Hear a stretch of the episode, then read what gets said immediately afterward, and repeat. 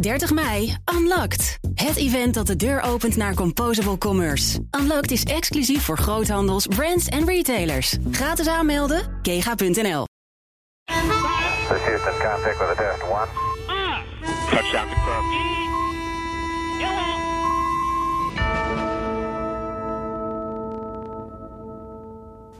Hi, everyone. Welcome to a new Space Cowboys. Yeah. Here with Herbert.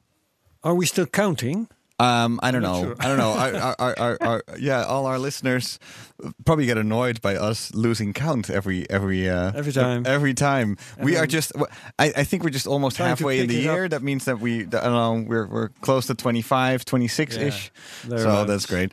And um, it through the internet on the other side of the planet, we have Matt Kaplan with us. Matt, how are you? I am great. It's it's wonderful to join you guys. Thanks for having me as a guest. Definitely, definitely. Uh, you are the host of the of Planetary Radio, a radio talk show uh, about space exploration, uh, produced by the Planetary Society, which makes you yeah, either a competitor or a colleague. I, w- I would rather consider you a, a, a, a colleague. Thank you. Yeah. I, I prefer that too. I'm Yes. going for colleague as well. Exactly, and it's and it's great to have like a, a cross continental sort of like planetary. Colleague. Yeah, co- like a bonanza going on right now, and uh, we're gonna ch- chat about that? Yeah. Uh, well, a whole bunch of things. Um, a lot of stuff has been happening in the U.S. Uh, we were supposed to have Yuri here. Uh, he regretfully had to cancel. So, Yeah. uh, Herbert, Oh. you're going to talk about China. China. yes. Oh, okay. No. How's that? Yeah, yeah. So we're going to talk about China. We're going to talk about the U.S. and I want to talk about um, um, light sails. and especially light sail. The light Good. sail. We're yeah. glad. I'm glad to hear that. Yeah. How, how how are things in the U.S. when it comes to space, Matt? Well, you know, generally, if you look over the long term, uh, take the long view, things are looking pretty good. Uh, it, it's Am I uh, hearing we some like- skepticism? Um, um, uh, some some topics of last week come to mind. Yes, yes, uh, and in fact, that uh, the topic you are probably thinking about. That's right. A certain tweet from uh, A certain uh, someone. the leader of our of our nation. That's uh, absolutely right. well, we just, uh, as we speak, uh, less than an hour ago, we released uh, this week's episode of Planetary Radio. And um, it was only last Friday that we did our monthly space policy edition that I do with our chief advocate, Casey Dreyer. And that show went up on the net at almost exactly the moment that the president issued his tweet about Oh, the moon and Mars. And so, of course, we couldn't address it. And we had a lot Oh, wow. of listeners saying, oh my God, they have to get to this. Well, we do in this week's show. And and Casey, who's a very sharp guy, Mm-hmm. uh, has some very interesting analysis. I don't know if you're ready to go into that, but some really interesting uh, comments. But there's been a lot of um, backpedaling uh, in NASA and elsewhere uh, due to the president's comment. Yeah. Shall I shall I Uh, read out the comment for just one sec? Um, sure, so- I, go ahead. You mean yeah. the tweet itself? Yeah, the tweet itself. So, th- th- th- of course, America is going. So, first context: America is going to the moon in 2024 ish. Uh, th- that, that's the idea. Um, but then, Emphasis on the ish. uh, ish exactly. I, I was just about to say I'm shutting up about this right now. and um, uh, so on June 7th, which is just a few days ago, uh, Donald Trump said, tweeted, uh, For all the money that we are spending, NASA should not be talking about going to the moon. We did that 50 years ago. They should be focused on the much bigger things we are doing, including Mars, of which the moon is a part. Defense and science. There's a lot to unpack there. So let's start unpacking. Um, first, he, he's basically saying um, we NASA should not be talking about going to the moon, even though Jim Bridenstine is talking about going to the moon. So I, feel like like I sort of understand what Donald Trump is saying here.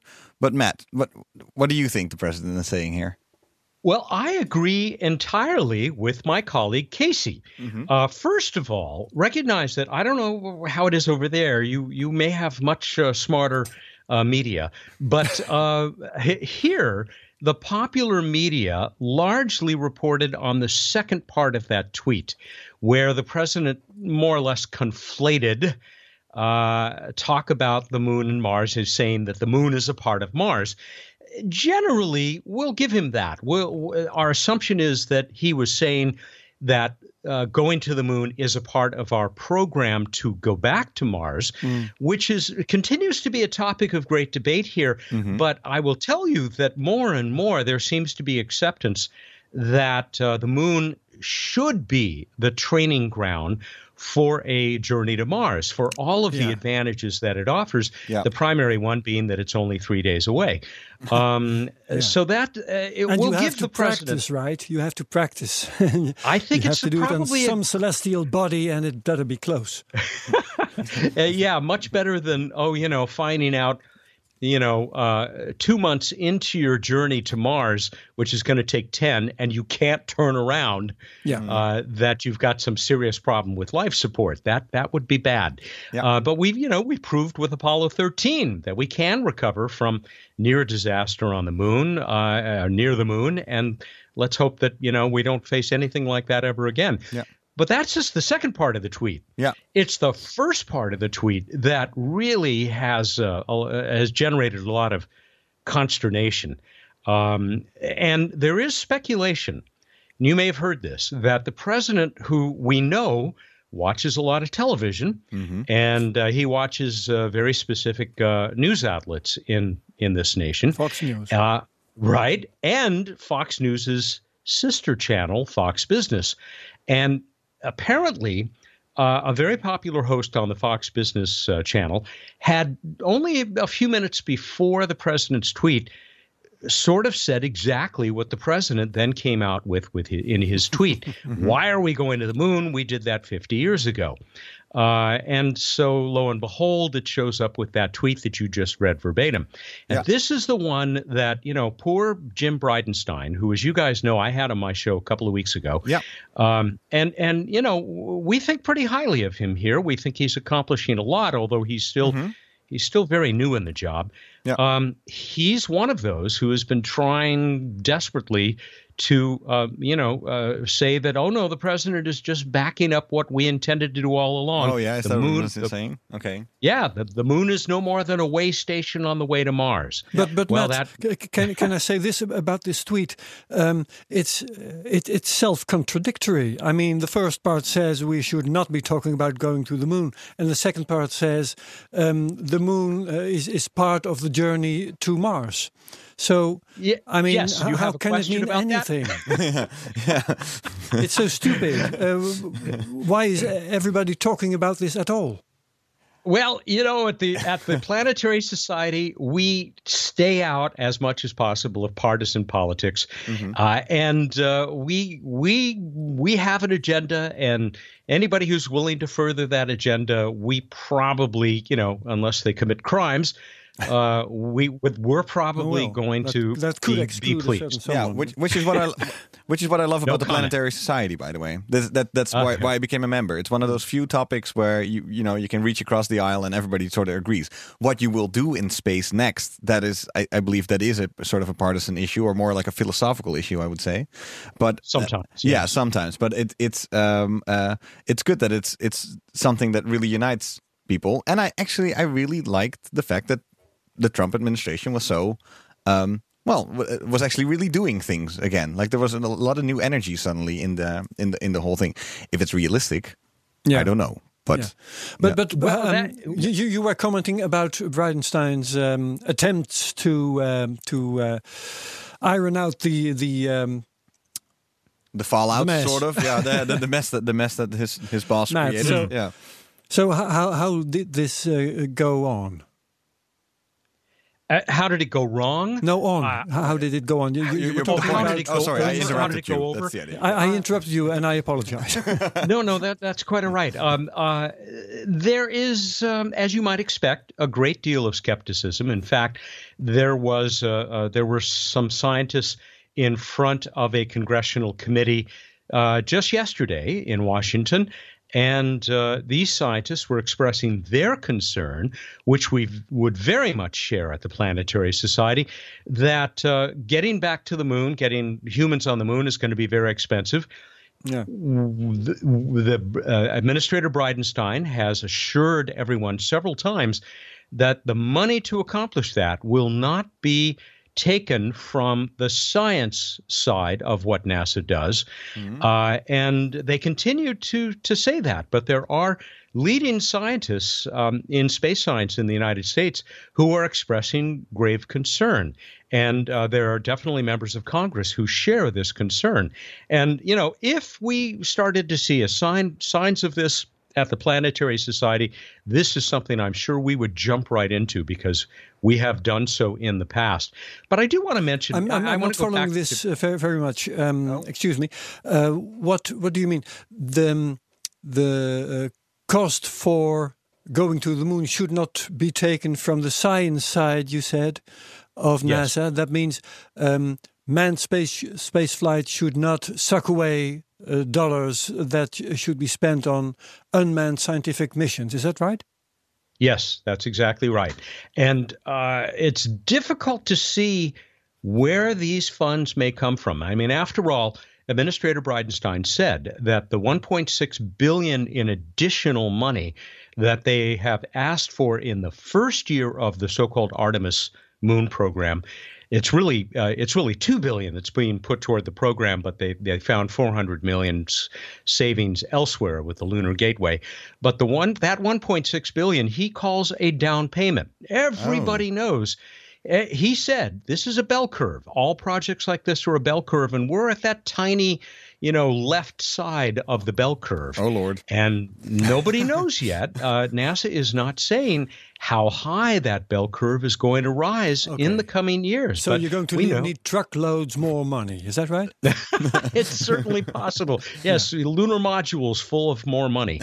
yeah, yeah. exactly exactly Dollar and bills, and, please. uh, and nobody knows where the bell should come from then i mean the idea is i believe that maybe nasa after 50 years of, of practice and and having now a commercial space flight industry um, would make it all a little easier uh, cheaper maybe than before is that a realistic you know outlook Well, I I certainly think that's the case. Okay. Uh, and uh, NASA has said uh, that it will, to every degree possible, it's going to use commercial services f- to get humans back to the moon this time, right up to you know the creation of the equivalent to the lunar module, the that spacecraft that will take the humans down to the moon. And they did just award these uh, contracts to three uh, companies uh, to get small payloads to the moon. Uh, there were some surprises with that, or the awards of those contracts. A couple of the companies, some of us had never heard of, uh, but uh, we we applaud this. That we think they're moving in the right direction, but there's still going to be an awful lot of expense uh, that NASA's going to uh, Yeah. have to be able to cover. yeah And they announced something else um, this week. Um, people can um, buy a ticket to stay at the International Space Station. That's Oh, yeah. right. Uh, would that be uh, a, a, a nice way to cover the cost of a lunar mission, or would that not make a dent in uh, in the bills? I have only heard this talked about as a way to offset offset the ongoing cost of supporting the International Space Station. Ah, the space Now, station you know, itself. Would that money could it be diverted to Artemis? I really don't know, but I guess you know if they save the money on the ISS, maybe they'd still be able to get some indirect benefit for going to the moon. But you're right, uh, 52 million a shot, and uh, there was just an announcement from uh, Bigelow Aerospace that they're gonna they're gonna handle that. They're gonna Oh, yeah? offer space to four people at a time, four tourists. To Wow. uh, go up there on the ISS and Really? sit in the cupola and look down at Earth. You got a veritable hotel up there. Yeah, I mean, not four bad, people at not a bad. I time. think, I think it comes with free use of the toilet too. Great. Everybody wants to poop in space. uh, I just want to backtrack the, the, a little bit. Uh, so the, the three companies that were announced, I just want to uh, quickly Google them. Astrobotic Technology of Pittsburgh, Intuitive Machines of Houston, and Orbit Beyond of Edison, uh, New Jersey. That So they are the, going to be the ones that are going to um, build uh, lunar modules and small roma- robotic landers and all those. And those are companies that even people at the Planetary Society hadn't even heard of. Well, Did- one did of I them, hear you say that? Ast- Astrobotics, we had heard of. Yep. The other two apparently were operating sort of in stealth mode. uh, some of the, the big companies, uh, Masten Space Systems, uh, Moon Express, who've been working on this for years, True. Um, they were not part of this award, but they are both of those companies I just mentioned. They are continuing on their own, and they're going to be looking for private uh, customers. Uh, commercial corporate customers Yeah. uh, to do exactly what these other three plan to do. See, and this is the part I do find exciting. It's like about a year ago, I wasn't even thinking about things like this happening. I, I, I do um, like that that there's this whole new, yeah, energy or this this whole there's a plan. Maybe the plan will fail. Maybe the plan will be delayed, or we'll see. But it, I, I do, I do think um, there's some new excitement going around, at least. Absolutely, Right? Yeah, I agree. Yeah, I, I, do, agree. I do think that streets on the moon eventually will be named after companies. That's that's that's how it starts to feel. Well, first, we'll have Trump Street, of course. Trump Street, Trump Square, that Trump Square. yeah, yeah, exactly. Um, Well, I'm I'm I'm looking forward to driving down Bezos Boulevard. hey, exactly, That's a Bezos nice Boulevard. one as exactly. I think I actually, where is it? I think I just had the. See if I can quickly pull it up again. No, I had the the, the quote the, from Fox Business. Um, of that the that the uh, the president actually tweeted about, and I I hadn't heard it. I haven't heard it yet, actually. So so the idea was that Trump sent out this weird tweet while looking at Fox, while watching Fox Business, right? So let's see. if- soon after, yes, soon after. very soon after. Yeah. So let me. So let's listen in. And the guy, Oh yeah, no go ahead. worries. Okay, yeah, here we go. But uh, I, I, I, I thought we would advance beyond that, and I thought either would target Mars or, or what, why this? Why now? So the moon, when we did it 50 years ago, we're coming up on the 50th anniversary of the That's moon right. landing. Um, it was what we call flags and footprints. We went, we did walk around, we collected samples, we came back. What we're doing now is is enabling a sustainable presence on the lunar surface, which is what we need. We still need to drive that innovation and complete those technologies that will allow us to have a sustained presence on Mars. Don't forget, when we go to Mars, you're stuck there for 22 months uh, because of that, the cycles, the orbit cycles of the Earth and Mars. And so when we go to Mars, it has to be sustainably. We have to prove on the moon that we can have a sustainable presence there first to make sure that it's a safe venture to do. But we will in the 2030s be going to Mars sustainably there as well. This is strange. Why would this? This was Jeff DeWitt, uh, he- he- NASA's chief financial officer, actually talking about this. Chief Sounds financial officer. what he said. Sounds super reasonable. So why would the president suddenly go against his own people? Yeah, you know, I had not actually heard that bit Me from neither, yeah. uh, Fox. Yeah. I wonder if uh, I think the host of that show, Neil Cavuto, I believe, Uh-huh. um, he I don't know what he went on to say from there. Oh, yeah. And you know, who knows? It's really speculation. Yeah. Maybe uh, President Trump came up with this entirely on his own, but uh, the coincidence does seem to be striking. Mm-hmm. Yeah, yeah, Yeah. uh, interesting. But, but somebody uh, along the way mistook what was just said. Somebody somewhere. I Yeah. think. Yeah. Because mean- what, what yes, was Trump, just said sounds reasonable. Yeah. Trump's tweet doesn't. So No. if if what he tweeted uh, was based on what we just heard, somebody along the way mixed it up. Yeah. Maybe the president himself it wouldn't be the first thing he mixes up. Uh, Maybe we can summarize this all by, by just saying the Trump administration is always full of surprises. That's right. That is that is it. That is it. I Um, think that's a fair statement. exactly, exactly. From the moment he got Very elected on, from the moment he got elected until now, full of surprises. Um, hey, Matt, uh, let's talk about the light sail. Uh, Please. Yes, uh, the second light sail to go up, I believe, in a Falcon Heavy, which is pretty epic. Um, in a SpaceX Falcon Heavy. Uh, what can you tell us about it? When is it going up? What What's the plan? What are, What are you doing? The latest that we have heard uh, is that it will not happen before June 24th.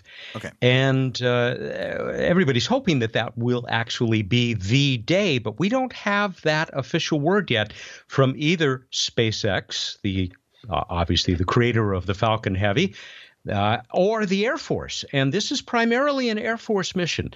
Uh, there is a secret Air Force payload, which is the main payload. And then there are all of us secondary payloads, the, the hanger ons, who are catching a ride up into uh, Earth orbit.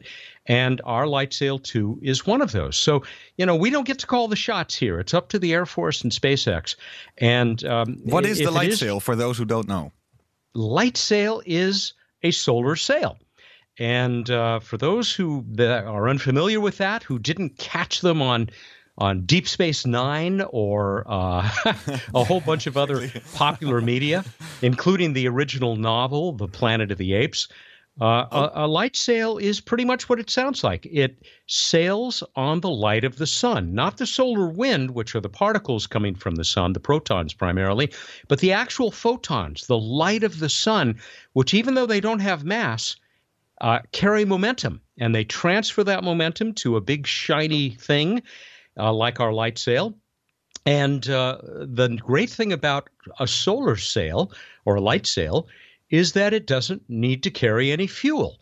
Uh, obviously, chemical rockets are terrific if you have to, you know, get something up to speed very quickly. But once you run out of fuel for that chemical rocket, you're out of luck. You're coasting from then on. Whereas a solar sail, as long as it is within sight of the sun or some other source of intense light, say very powerful laser beams, uh, hmm. it can be powered. Uh, and uh, that's why a lot of people feel that a light sail is the only practical means that anybody has come up with so far to enable interstellar flight, at least with existing technology. Now, we're not going to be going interstellar. No. Uh, we'll be we'll be very happy if we can put Lightsail up into medium Earth orbit, which is about 700 kilometers up, uh, and uh, unfurl its big sails, catch the light of the sun, and then use that light to raise the orbit of light sail. I have a couple uh, of questions about that. I got a million. Sure. oh, well. um, I'm first. yeah, definitely. Uh, one thing, um, the light sail has to be moved all the time, right? It has to That's catch right.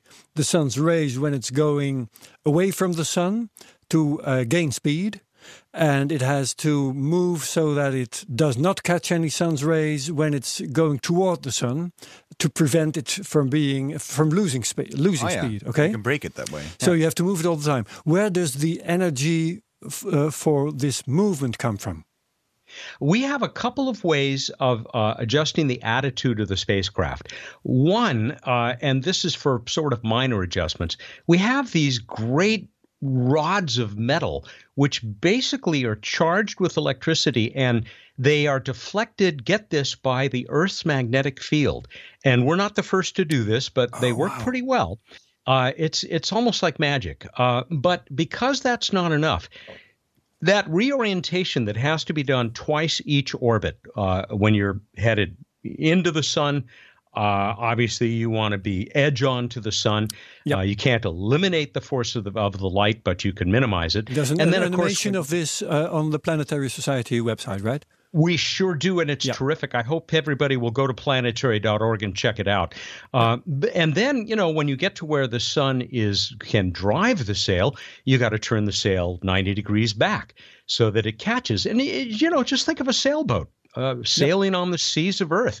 It's the exact same thing. In fact, like a sailboat on Earth, we could even tack into the light of the sun, much as a sailboat is able to tack into the wind here on Earth.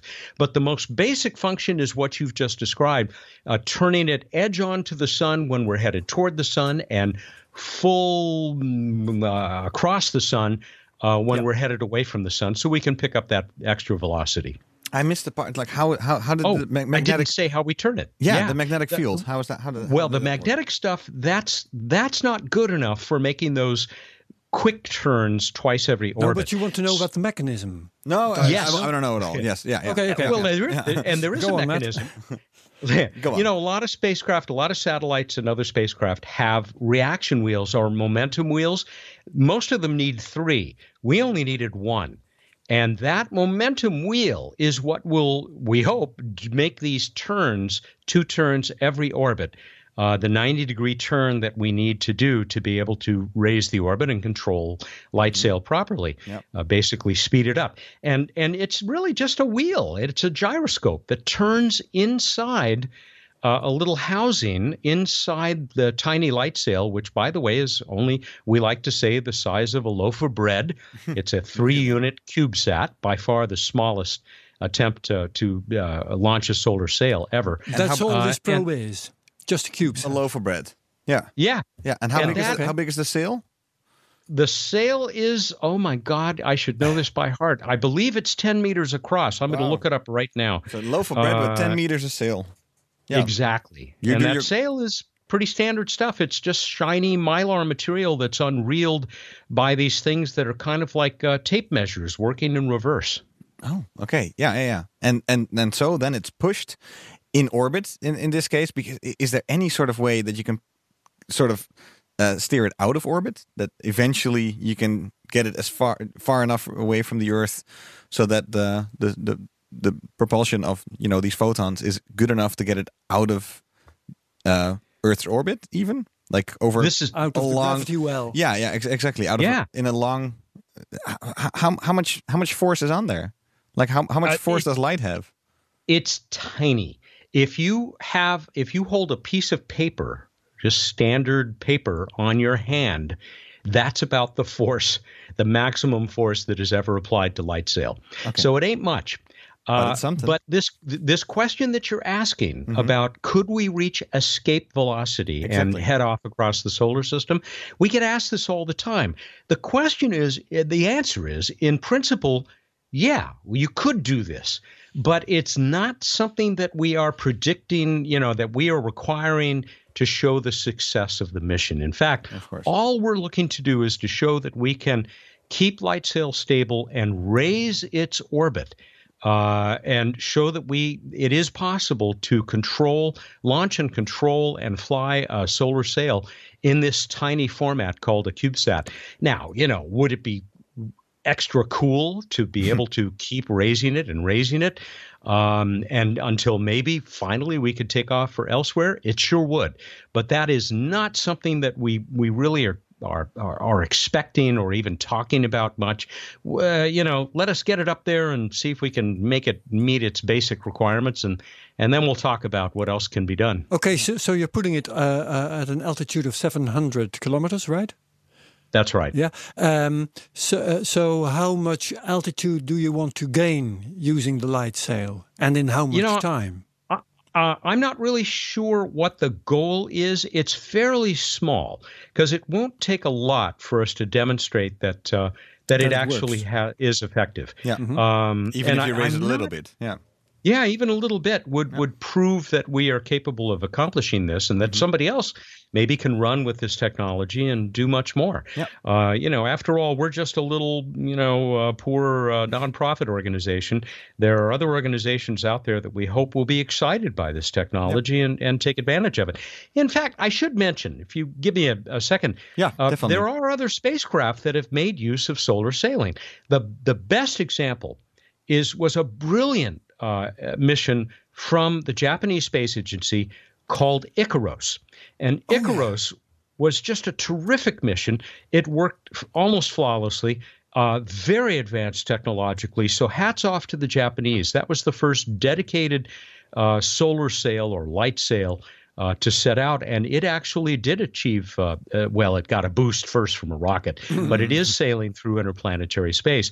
Um, there are other missions, like the Messenger mission to Mercury, and uh, the current uh, uh, solar mission uh, that is approaching closer to the sun than any has before. These missions have big heat shields, which essentially act as light sails, and they had to take the pressure of light from the sun into account to make sure that these spacecraft would go where they where we wanted them to go. So in fact, solar sailing is is something that's well proven. It's just that nobody's ever done it with a CubeSat and and relied exclusively on solar sailing to uh, raise the orbit of uh, of a spacecraft. Yeah. Okay, so so you're out to prove that you can have a spacecraft that uh, uses just solar sailing. That'll be Exactly. the first. Yeah. Okay, but the Japanese actually are the first solar sailors. Uh, yeah. Uh, strictly speaking, IKAROS was in many ways the first successful solar sail. Okay. Okay. Yeah. And and why is Now- that? Why is that? Because you've uh, done this before as the Planetary Society. You did Light Sail One as a sort of proof of concept as well. Why is the Planetary Society the right uh, organization to do this? And who is actually doing it? I'm I'm also really curious who's building this thing literally. We are working with a number of other companies um, uh, and and a university, uh, Cal Poly San Luis Obispo, uh, to create LightSail. There have been a lot of people involved in this over the years. You know, your question about why we're part of this um, goes back to the founders of the Planetary Society almost 40 years ago. Uh, if you go on the website, uh, planetary.org, you can find video of our probably our, our best known founder, Carl Sagan, going on the old Johnny Carson show, The Tonight Show, uh, with a model, uh, a primitive model of a solar sail that he actually showed to the host, Johnny Carson. Uh, and in some ways, it looks quite quite familiar. It looks a lot like our solar I have it here. called solar Uh, and Yeah, here it comes. This is Carl Sagan. A, uh, Carl Sagan speaking, people. very crude model, and which travels on the radiation and particles that come out of the sun, the wind from the sun. And it works exactly as uh, an ordinary sailboat does. So it can go out from the sun, it can tack inwards to the sun, and because it has a constant acceleration, it can get you around the inner part of the solar system a lot faster and a lot more conveniently than the usual sorts of, of rocket propulsion. Now, what would this do? Well, it takes you to where you want to go. So one mission that's being talked Mm-hmm. about is to rendezvous with Halley's comet. Well, Wow. that didn't happen yet. No. but this, so, so he was because he was one of the founders. He also was one of the first to, to, to popularize this idea. Maybe um, it was a really He great, was. a good, good thing for the Planetary Society to build on. Absolutely. And one of our other founders, Lou Friedman, who is our uh, executive director emeritus, still very involved, not just in the Planetary Society, but uh, uh, across the board with uh, cutting edge uh, space science and space engineering. Lou Friedman actually wrote a book about solar sailing, which kind of became the engineering Bible for everyone who wanted to develop these. And it was Lou who was uh, leading that project at the Jet Propulsion Lab to try and build a gigantic solar sail to rendezvous with Halley's Comet, which eventually lost its funding, unfortunately. But, but uh, Lou uh, was also a, a driving force behind our efforts to do solar sailing. And, you know, even Light Sail 1, which didn't go high enough to sail on the light of the sun, was preceded by Cosmos 1, which was our collaborative project with a, a group in Russia to develop a much larger solar sail. And we will never know if Cosmos 1 might have been successful because uh, we didn't have much money. We had to go get it into orbit as cheaply as possible. And we went with uh, an old Russian sea launched or submarine launched ICBM, and it went kaput. Uh, and so it, we never had a chance to find out if Cosmos One would be successful. Uh, and I'm very proud of the fact that we were able to uh, to recover from that and go on to light sails one and two. So how were Yeah, those funded? Definitely, yeah. Yeah, sorry. Uh, the question was how were they they funded? The light sails. Um, these are we are a nonprofit. We picked up an enormous amount of funding from our members, the members of the Planetary Society, uh, worldwide. So wait, I'm Uh, paying for this light sail. Awesome. you are Awesome. You pay. You pay for. You're paying my salary too. So Okay, thank you nice. very much. Good. I thought I was paying for the magazine. That, yeah, the, the Planetary too. Report. That Love it. Yeah. Uh, it is a great magazine. We just had a new one come out on Monday, by the way, great. the spring solstice uh, issue. Okay. If you like, you can but pay yes, you're you're paying for it. We also had some terrific major donors, uh, people who simply believed in the dream and uh, wanted to be a part of this and wanted to put their their money where their mouth was, and uh, enabled us to complete this uh, this project. Which you know it, it costs a tiny fraction of what. Oh, a typical NASA mission would cost. Uh, So how but, much you know, money went in there? Uh, we're talking several million dollars, including the launch. Yeah. Is Elon, Uh, is which Elon is- Musk chipping in by by uh, you being able to hitch a ride on the Falcon Heavy? Not to my knowledge, but Okay. uh, that's more the Air Force and NASA's doing than, Ah, than okay. Elon's. But, So they're but I'm told he's he's happy to have us on board. Okay, In fact, our, our boss, Bill Nye, is going to be part of the big uh, press conference before the launch of the Falcon Heavy. So he'll be up there with Elon and and uh, the Air Force folks uh, to talk event. about light sail. Yeah, Yeah. also by, because- by the way, Sure, I just sure. discovered I told you I thought it was 10 meters, the sail width when it's fully deployed. No, it's a 5.6 meters or a total of 32 square meters. Okay. So 5.6. I'm trying to imagine. That's about that's about the studio. Uh, Yeah. a little bit bigger than the studio that we're in Yeah, It's not not bad. Pretty not good bad. sized studio. Yeah, definitely, definitely. So this this launch uh, is it a free ride that you're having? Yes, I mean that's uh, the terrific thing about this. Um, it it it is because NASA has this program to put secondary payloads uh, that qualify on these uh, rockets that have some spare capacity. Uh, we're not alone. There are, I believe, more than 20 different payloads, some of them very interesting, like an atomic clock that JPL has uh, developed Oh, yeah. that is far more uh, accurate than any atomic clock that has ever gone into space before and is going to be the basis of, you know, navigation around the solar system really, someday. that's cool. Yeah. yeah. How do Very you cool. qualify for a free ride? Do you have to jump a lot of hoops? Oh yes, yeah. As you might expect, uh, there are a lot of things you have to do to, to, you know, first prove that you have a worthy mission, and then prove that you're capable of building a spacecraft which uh, can actually make this happen. Uh, and uh, you know, we've got some great people working for us and with us, and we were able to pull that off. Congratulations. Thank okay. you. Um, now, when when Light Sail uh, two is up there, um, first it it ha- has to do some maneuvering, prove that that it can raise its orbit. Um, wi- apart from that, will it do anything else? I mean, when you've got a craft up there, what else can you do? Not too much, but we do have a couple of cameras on the spacecraft. Okay. And uh, one of those cameras, we hope, will be able to catch some images of Earth. Uh, and uh, uh, the the other thing that is really interesting that we're going to be able to do with this um, is that we have mounted some little retro reflectors uh, on LightSail 2, and uh, that will be used to reflect back laser beams from Earth. And uh, the advantage of that, it's not that those lasers will be powerful enough to help it go any faster, although maybe someday, uh, as the Breakthrough Project is contemplating, maybe lasers will drive light sails out of our solar system. Yeah, yeah, yeah. But this is just to, you know, let us very accurately determine exactly where and how far away light sail is, uh, which is going to be critical to us determining have we raised the orbit uh, through solar sailing because, as I said, we don't expect to raise it very much. I mean, maybe we'll be surprised and do even more.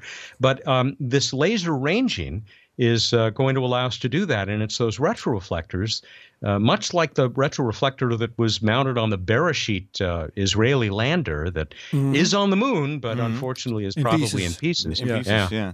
Uh, where where is Light Sail one now? What happens to Light Sail one?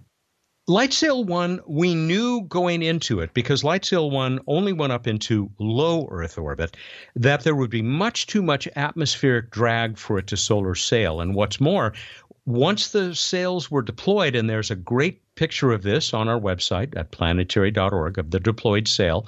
Once the sail was deployed, obviously the atmospheric resistance was going to go way up. Ah, and so, yeah. just as we expected, it was only a matter of days before Light Sail uh, fell back to Earth, burned up in the atmosphere, and that was the end of Light Sail. Oh. So Light tha- Sail that's, that's why you're having a, a higher orbit this time. Exactly right. The whole idea is to get us above more of the atmosphere. There is still a little bit out there. There is still some atmospheric drag, uh, but uh, this time we we think we'll be just high enough that we can actually uh, use the light of the sun to uh, do a sail. So here's a question I hope to embarrass you with a bit. Um, have any astronomers complained yet? No, I know where no, that question is like coming from. Sail. You got this big, big mirror out there. Yeah, know? yeah. It's it is it is very true that uh, with luck you'll be able to see Light Sail two when it catches the sun at the right angle. It ought to be a spectacular sight. Mm-hmm. Um, but we're not putting up a thousand of these, No. so uh, no, we Twelve haven't had thousand. any- Uh, what- yeah, you're uh, we're We ha- referring back to to Elon Musk's plan of That's right. Yes. putting internet in space and then also blocking everybody's the everybody's 60 view. satellites they launched. And and he's not alone, of course. Other people are talking about major uh, Yeah, true. Uh, constellations. I mean, Jeff Bezos now is as well. Yeah. But we're only doing one, so we haven't, as far as I know, we haven't had any. Okay, uh, so, so uh, you, have, you are having good relations with the astronomy community. I sure hope so. They're very important to us. Okay. Um, Let me see. Yeah, Herbert, there was there was a, a, a, in the preparation of the show you wanted to ask something about SETI at home, but I was wondering. Well, yeah, the Planetary Society has nothing to do with light sail, but no, with uh, with SETI at home. Change the subject then. Okay, yeah, because uh, SETI at home was uh, launched uh, back in the nineties, I think, and I believe it's still running. So I wanted to know yes. how's it going. What's uh, any any discoveries so far? It was a planetary, planetary society project. What, is, what was that a planetary well, society I'll project? Actually, this is an interesting story because okay, it was great. not, strictly speaking, a planetary society project, but it was because of the planetary society that the folks at UC Berkeley, who do still run SETI at home, that they were able to get the project off the ground. Oh, really? It was with support from our members. Uh, that uh, they were able to get it going. And, you know, it became the model for these citizen science distributed oh, yeah. computing projects yeah. that are doing such great work that. now. Yeah. Um, and they are still going strong. We still support some SETI projects. We don't do as much of this as we used to. You know, our friends at the SETI Institute, this is largely what they're all about. But we still believe very strongly in, uh, in SETI. Uh, it is a part of our mission to uh, try and find other intelligences. In fact, uh, we're going to have some things to say about uh, a new optical SETI project uh, that uh, that we are providing support for before too long. and um, you know what could be more exciting? I keep telling everybody involved with SETI that they have they have to promise to call me first, and and and then they can call you guys. That's right. But but but. Um, uh, to sum this up, uh, for for 20 years now, um, citizens' computers have been crunching numbers on uh, SETI measurements, and nothing has been found so far, right? That's right. And, mm. you know, we're bad. still looking. There Yeah. are still people. Yeah, I mentioned the Breakthrough Project, Breakthrough Listen, which is now doing the most comprehensive monitoring of both radio frequencies and optical uh, light that has ever been done. Um, there's, it's a big galaxy, and uh, it it it is entirely possible that we have simply not looked in the wrong in the law in the right place long enough, and um, you know maybe in another twenty years we'll be able to say. Well, if they're out there, they're not talking to us. Uh, at least they're not using radio or light. Uh, maybe they're using neutrinos. Who knows? Oh yeah. Uh, but uh, but uh, How, how we would that work? We're communicating through neutrinos? we don't know. They Oh, know. you- you- yeah, you'd have to ask the aliens. okay, fair point. fair point. Uh, but so the Planetary Society is still very much involved in these in these really trying to get citizens involved uh, sort of thing. So the light sail is part of that. SETI at home is part of that. It, it, it is is that one of the missions to to get the, the public involved in through these types of ways? Absolutely. Uh, uh, you know, our boss, the science guy, Bill Nye, he likes to say that uh, we do three things: we uh, we educate, we create, which would be things like light sail, uh, and we advocate. I, I did them in the wrong order: create, advocate, educate. Okay, yeah. Um, Alright. Create are the projects that we either do ourselves, like LightSail, or that we uh, provide support for, promising generally small projects around the world. You know, uh, like our uh, Shoemaker Neo grant uh, program, where we're helping astronomers, both amateurs and and professional astronomers, in their search for near Earth objects, because we think it's a good idea, you know, to find the rock that's that would be the sister of the one that wiped out the dinosaurs and, and see if we can nudge it off course. Uh, that's a big part of what we do. Okay. Uh, advocate is a huge part of what we do, and it's been uh, so successful lately where we have uh, we have a guy uh, permanently assigned in Washington uh, uh, who is advocating on behalf of space science uh, and the Planetary Society mission. Uh, who is Uh, that? And is it Casey? Casey is there a lot. Casey spends a, a, a lot of time in Washington. Yeah, I always see videos of him uh, walking around uh, DC. Yeah, he Yeah. absolutely does that stuff. Uh, and uh, we we have had uh, several other people involved uh, with our efforts in Washington. Uh, currently, we have uh, uh, we've picked up a guy who is fairly new with the society, Brendan Curry. He's our chief of Washington operations. Uh, but he has a, a, tremendous background. He was a congressional staffer. He used to work for Space Foundation, which is a, a another nonprofit, though far better funded than we are uh, by a lot of the aerospace industry. And now he's working for us, or on behalf of our members. Uh, and uh, they've had tremendous success in, in Washington. In fact, you know, if you ask Alan Stern, how is it that New Horizons was finally able to launch toward Pluto and beyond? Mm-hmm. He gives a lot of credit to the Planetary Society really? and its members because really? of our efforts. Yeah, you know, they tried to cancel New Horizons, I think, three different times. And uh, it was the Planetary Society's uh, uh, direct action uh, grassroots support uh, that uh, convinced NASA that this was a mission that should go forward. And look at the tremendous success that it has been ever since. Definitely, definitely. Just by by being sort of like the voice of the people, sort of the voice of of ordinary space nerds like us. Uh, well, we sure hope so. We, yeah. we sure hope that uh, that's that that's the mission we're fulfilling. Well, it's interesting that that has you know that it carries some clout in uh, in DC. You know that it's not just not to be sound cynical, but corporate lobbyists who have way more money and time to you know to steer steer policy in a certain direction. That that it's really great to hear that you have influence. Well, I'll tell you, uh, one of the most successful things we do each year is our Day of Action. And we did it this year for the first time entirely on our own. And we had, I think, about 100 volunteers from all over the United States visiting their congressional representatives, mm-hmm. uh, and uh, it was it's a it's a tremendous experience for those volunteers. First of all, who do this on their own dime, they pay their way to D.C. and then go through our training. Uh, and uh, we have been told that uh, these corporate uh, folks who regularly have paid lobbyists uh, all over Capitol Hill mm-hmm. that they're amazed by uh, what we're able to do with these these citizen scientists and and citizen fans of space. You know, we say our mission is empowering the world's citizens to advance space science and exploration, and this is exactly what uh, what happens in D.C. Uh, every April. Yeah, you're the third uh, point. Uh, educate. Um, how how do you do that? Uh, through things like my radio show, uh-huh. radio uh-huh. show podcast, Planetary Radio. As far as we know, it's the most popular uh, space exploration podcast uh, outside of NASA and the BBC. Uh, how many people are listening? Uh, we think that uh, just for the podcast, we uh, generally over time get about 50,000 people every to listening to every episode. That's great. Right. Um, but we're also on about 120 public radio stations oh, uh, yeah. across North America. And oh, so we pick up another 50 to 100,000 people that way. It's really hard That's to say.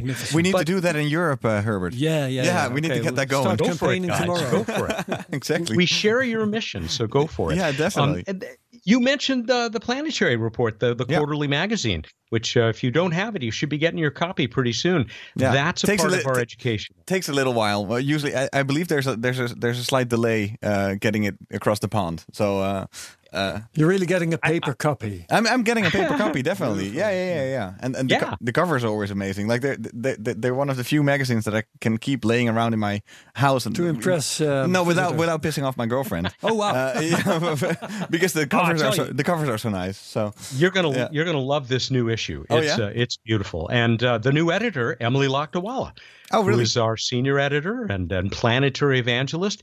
Um, she she is just doing a tremendous job, and uh, you're going to see some great new stuff in the magazine.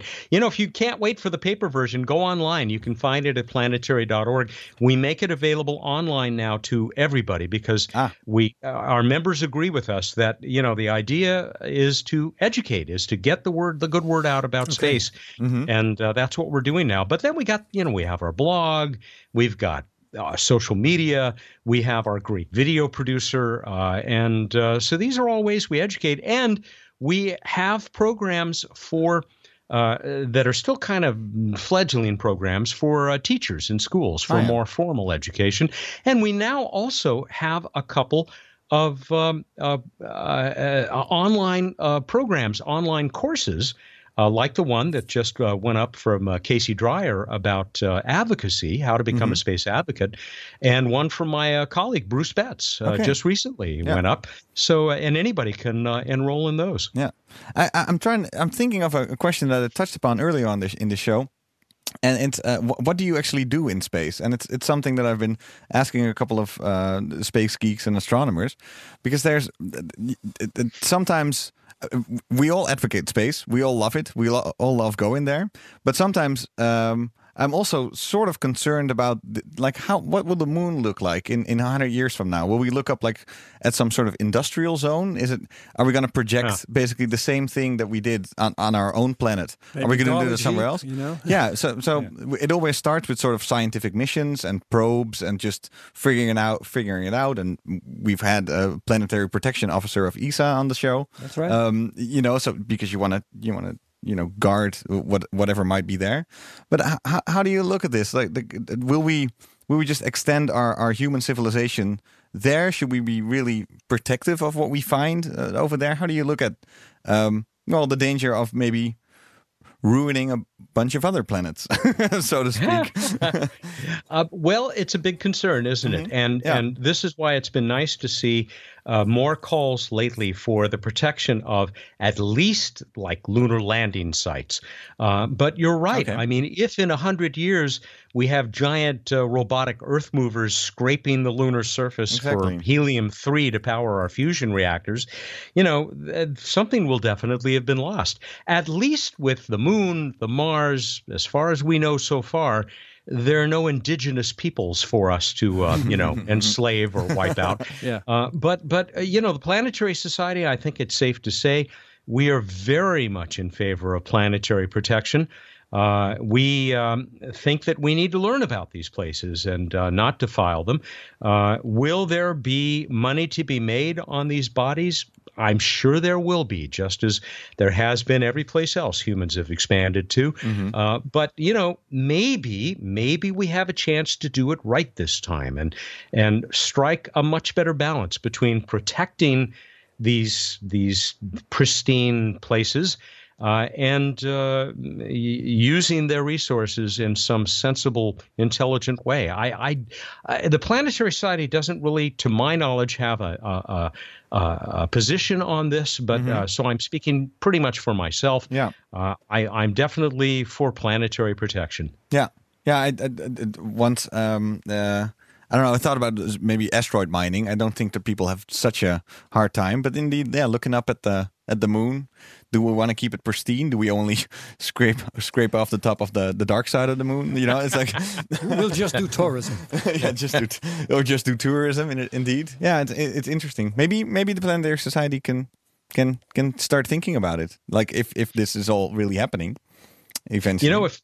Yeah. wouldn't it be great if the time comes when it really becomes important, not just in a philosophical sense, to to deal with this kind of stuff? Mm-hmm. Yeah. And and yes, I I, I bet you that is something we'd be very involved with uh, if we reach that point. Yeah, yeah. So far, I guess the, the light sail won't uh, won't pollute. No. won't Well, pollute too soon. I'd like to get back to that for, for a couple more minutes. Of course. Um, because what, what actually is the, the purpose? Um, is Does light sail one, two?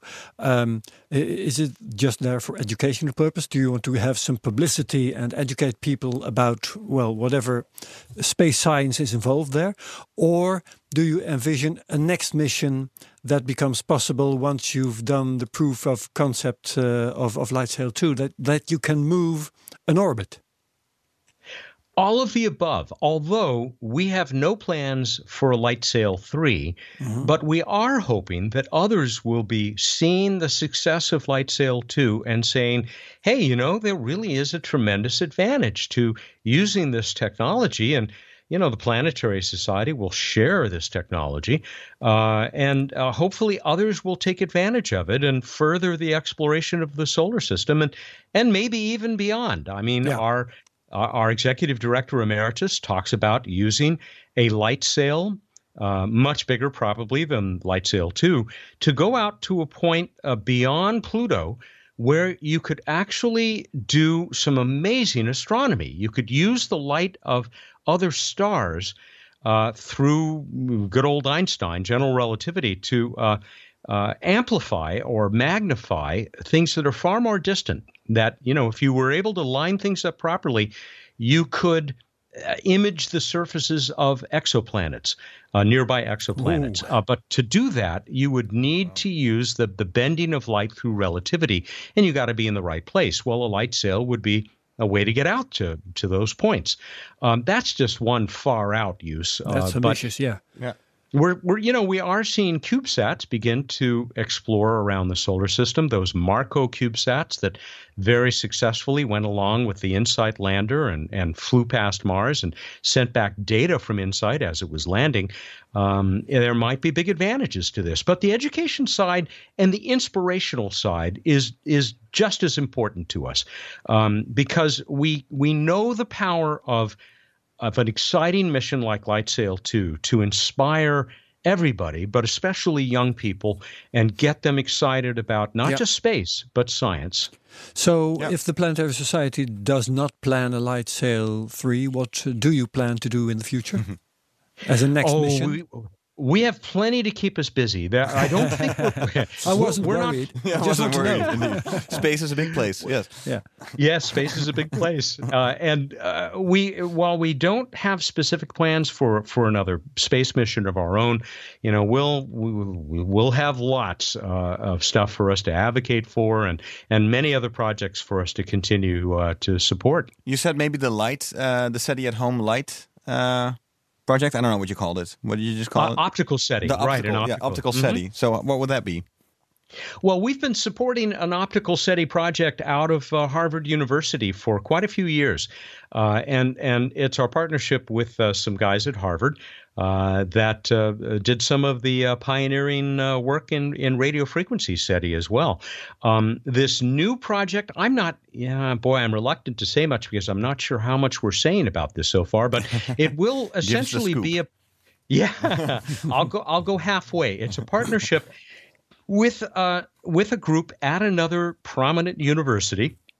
Uh, that is doing some very innovative things with optical SETI, and uh, you know, I wish I, boy, I should have looked into this because it might be perfectly okay for me to talk about it. But I'll, I, I, I will say no more. But uh, we have some nice announcements coming up. Okay. Okay. Really we'll, uh, great. we'll keep watching you. Yeah, exactly. Good. Yeah. Yeah, thank you. Hey, uh, um, any more questions, Herbert? Are you? Uh, Not uh, from me No, no, no. I'm- right now, I, no. I mean, there's, there's, there's still uh, plenty to chat about. One, one last question I had is, uh, which goes back to how we started the show.